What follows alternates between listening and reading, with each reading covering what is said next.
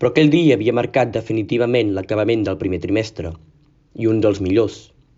Sí, podria dir que ha sigut un dels millors de la meva vida, i si ens posem a analitzar els resultats acadèmics.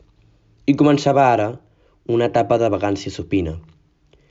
Un cop van tocar dos quarts de quatre d'avui, dilluns dia 21, una munió de joves emocionats i alleugerats sortien corrents per aquelles barrades portes de ferro.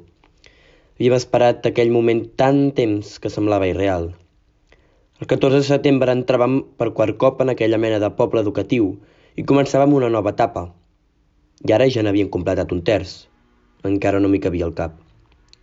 I aquell últim dia tenia gust de final, d'haver-ho acabat tot i de llibertat, de llibertat absoluta i incondicional.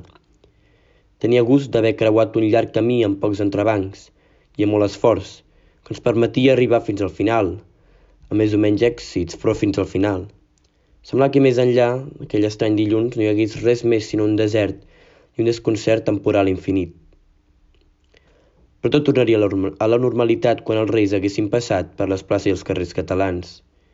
I tornaríem, amb més energies i amb més força que ens permetrien continuar en aquella llarga travessa que ens ocuparia mig any més.